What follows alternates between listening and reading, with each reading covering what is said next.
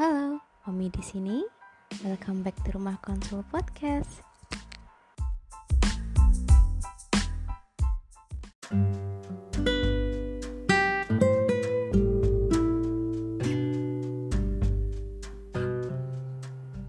Halo, Dian di sini dan aku akan membahas tentang uh, darkness.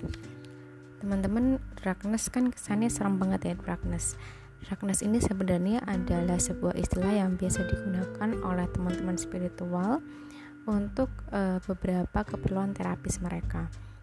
Nah, tapi sebenarnya kalau dari aspek psikologi, darkness ini kayak sisi negatif yang pasti semua orang tuh punya dan cenderungnya akan memancarkan energi negatif pada diri seseorang. Contohnya darkness misalnya rasa dengki. Ada orang posting di sosial media traveling kita bilang alah sombong amat sih segitu doang aja. Ada orang nikah dia bilang alah bucin banget sih hasil bucin tuh nikahnya atau apalah.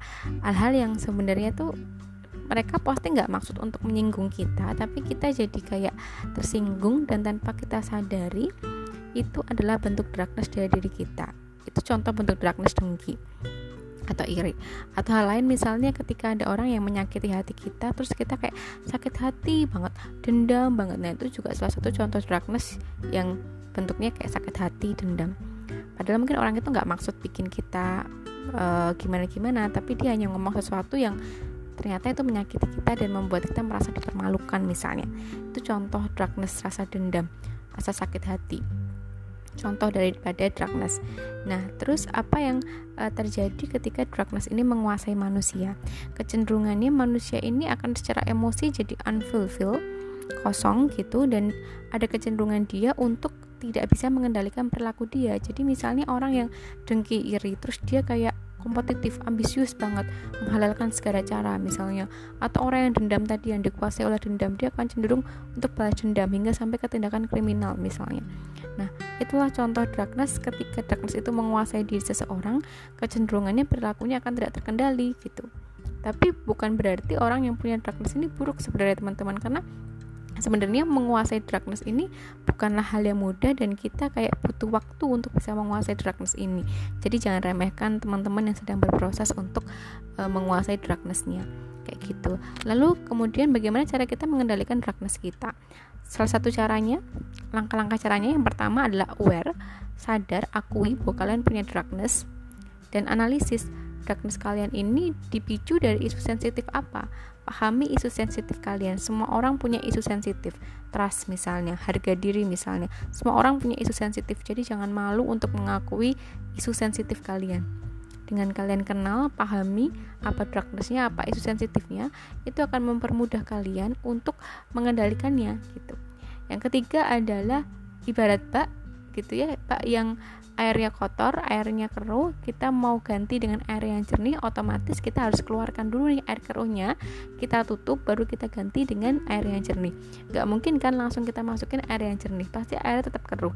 Gitu juga manusia yang punya darkness atau sedang ada dalam emosi negatif, mesti kita keluarkan dulu nih emosi negatifnya dengan cara apa? Misalnya nulis, cerita, curhat, terus uh, curhat pada orang yang positif ya kayak gitu. Itu bisa salah satu cara untuk mengeluarkan energi negatif. Nangis pun sebenarnya juga salah satu cara untuk mengeluarkan energi negatif itu. Setelah puas setelah terkuras semua bersih kita tutup nih pipanya dengan insight dan juga wise thinking baru kita masukkan dengan afirmasi-afirmasi kata-kata positif. Itulah cara seseorang mengendalikan darknessnya. Konkretnya seperti apa? Konkretnya misalnya dengan menulis jurnal. Misalnya atau misalnya dengan kalau nggak menulis jurnal ya bercerita dengan orang lain ke psikolog misalnya bercerita. Nah kenapa kok banyak testimoni? Kalau ke psikolog tuh cuma didengerin aja cuma ditanya-tanya aja itu sebenarnya testimoni yang salah gitu karena memang cara kerja kita cara kerja psikolog itu adalah mengeluarkan emosi negatif kalian dulu sampai kalian lega baru kita tutup dan kita afirmasi gitu. Jadi ketika psikolog itu diam sebenarnya bukan diam dia tapi dia sedang mencoba memfasilitasi teman-teman untuk mengeluarkan emosi negatifnya. Kayak gitu. Jadi pendapat tentang kok ke psikolog cuma ditanya-tanya aja dan sebagainya itu sebenarnya sesuatu hal yang menurutku nggak tepat sih kayak gitu teman-teman. Kurang lebih itu yang bisa aku sharekan tentang darkness. Semoga cukup membantu. Pada intinya kalian harus aware dan akui bahwa kalian punya darkness. Analisis apa isu sensitif kalian analisis darkness kalian apa. Kemudian pahami ketika stimulus itu muncul kita akan mulai mengendalikannya.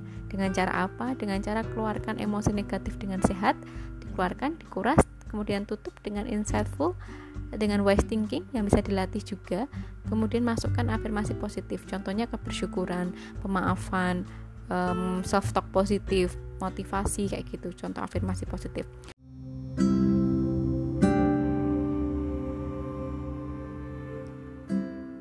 Nah itu tadi topik tentang darkness terima kasih sudah mendengarkan. Semoga ke depannya sahabat Omi bisa terbantu dengan konten-konten kita di podcast ataupun YouTube kita ataupun Instagram kita boleh follow Instagram kita dan juga subscribe YouTube kita dan follow podcast kita agar kita semangat nih untuk menghasilkan konten-konten edukasi yang bermanfaat untuk sahabat Omi.